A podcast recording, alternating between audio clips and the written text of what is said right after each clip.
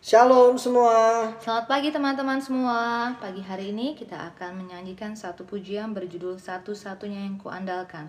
Kita percaya bahwa Tuhan Yesus adalah Tuhan yang setia, yang selalu menjadi tempat pengharapan kita, yang sangat kita andalkan dan kita percaya. Haleluya. Engkau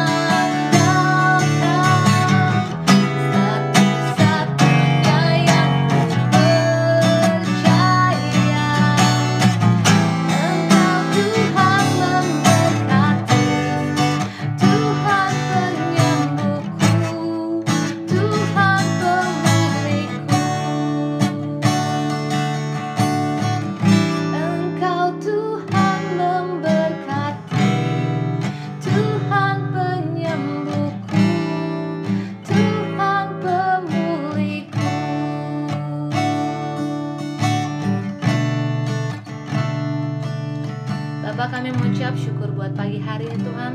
Terima kasih untuk kasih setiamu Tuhan. Terima kasih untuk selalu memberikan yang terbaik bagi kami. Kami sadar bahwa hanya Engkau satu-satunya yang kami andalkan.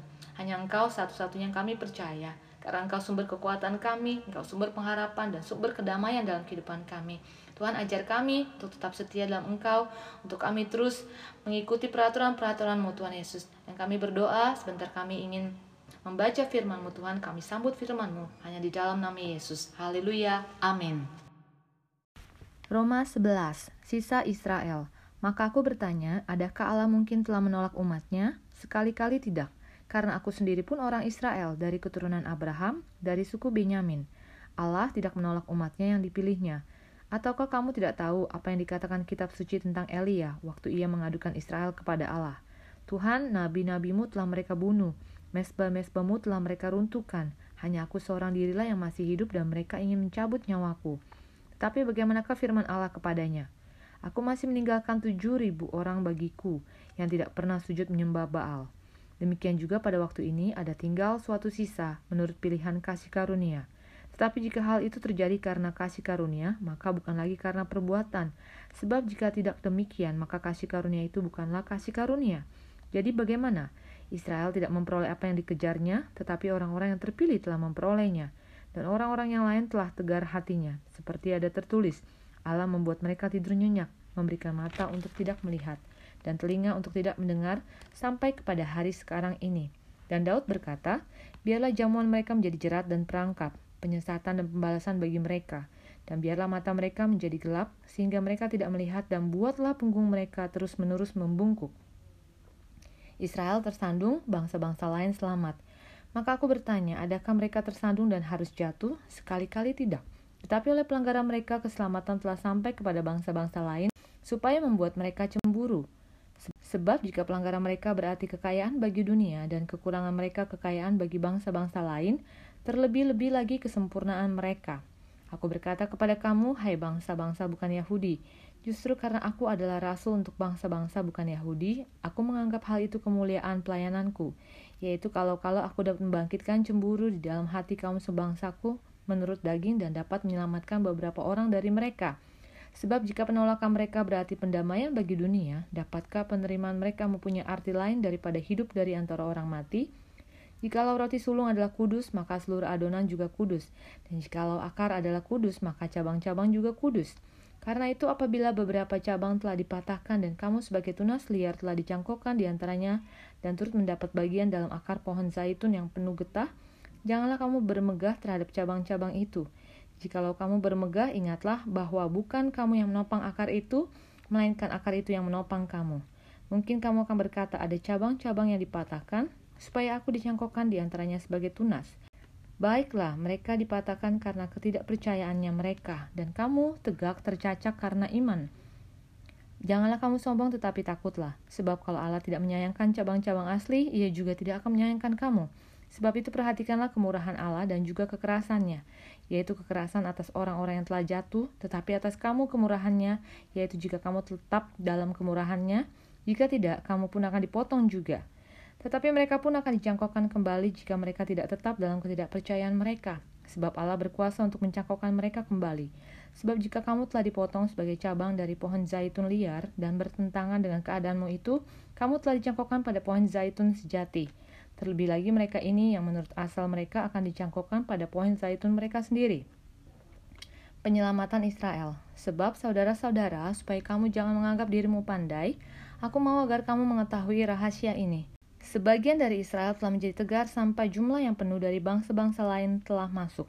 Dengan jalan demikian, seluruh Israel akan diselamatkan, seperti ada tertulis. Dari Sion akan datang penebus, ia akan menyingkirkan segala kefasikan daripada Yakub. Dan inilah perjanjianku dengan mereka, apabila aku menghapuskan dosa mereka.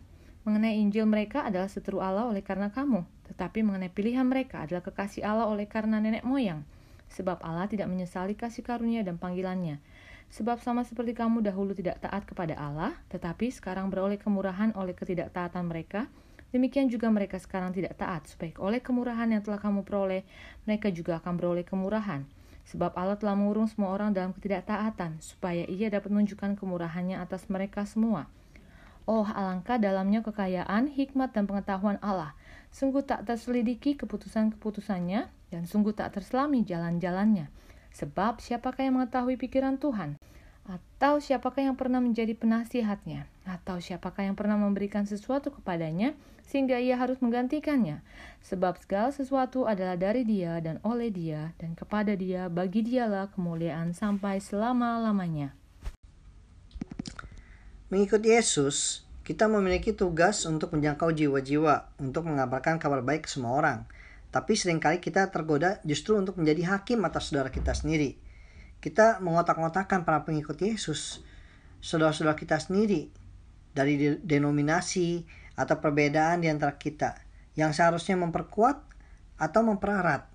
Menghakimi itu adalah haknya Tuhan. Tugas kita hanya untuk memuliakan Tuhan dan berlaku setia pada perintah-perintahnya. Rema yang saya dapat di Roma 11 ayat 33 sampai 36. Setelah Paulus diskusi panjang mengenai bangsa Yahudi dan non-Yahudi tentang keselamatan dari Yesus Kristus di ayat-ayat sebelumnya, Paulus menyimpulkan dan memuji Tuhan di ayat 33. Katanya, di terjemahan bahasa Inggris NLT disebutkan demikian. Oh, how great are God's riches and wisdom and knowledge. Dia berkata bahwa Wow, betapa hebat dan luar biasanya kekayaan, hikmat, dan pengetahuannya. Sebelumnya kita baca di Roma beberapa pasal yang lalu, kekayaan apa aja sih yang Tuhan miliki? Yang pertama, kekayaan kemurahan, kesabaran, dan kelapangan hatinya. Itu ada di Roma 2 ayat 4. Kemudian, kekayaan kemuliaannya di Roma 9 ayat 23. Dan mengenai hikmat dan pengetahuannya, kita akan belajar sama-sama nanti di Kolose 2 ayat 3. Disebutkan di sini, di dalam dia tersembunyi segala harta, hikmat, dan pengetahuan. Tuhan Yesus begitu mengasihi semua umat manusia. Dan dia rindu semua orang bertobat, tak terkecuali, baik itu orang Yahudi maupun orang non-Yahudi. Oleh sebab itu, tidak ada seorang pun yang bisa mengerti keputusan dan jalan-jalannya Tuhan. Dan di ayat 34 dan 35 ada tiga pertanyaan yang Paulus tuliskan di sini. Yang pertama, siapa sih yang bisa tahu pikiran Tuhan? Yang kedua, siapa yang bisa memberi nasihat kepada Tuhan? Dan yang ketiga, siapa yang bisa memberikan banyak kepadanya sehingga dia perlu menggantikannya? Teman-teman, kadang kita sering bertanya tentang jalan dan keputusan-keputusan Tuhan. Dan mungkin ada yang berusaha menasihati Tuhan atau mungkin ada yang bertanya mengapa ini terjadi, mengapa itu terjadi, mengapa begini, mengapa begitu. Kita tahu bahwa Tuhan kita sangat berkuasa dan berdaulat sehingga kita tidak akan pernah mengerti apa yang ada di pikirannya. Kita hanya bisa percaya saja bahwa kasihnya sempurna atas kita dan keputusan-keputusannya serta jalan-jalannya pasti yang terbaik buat kita semua.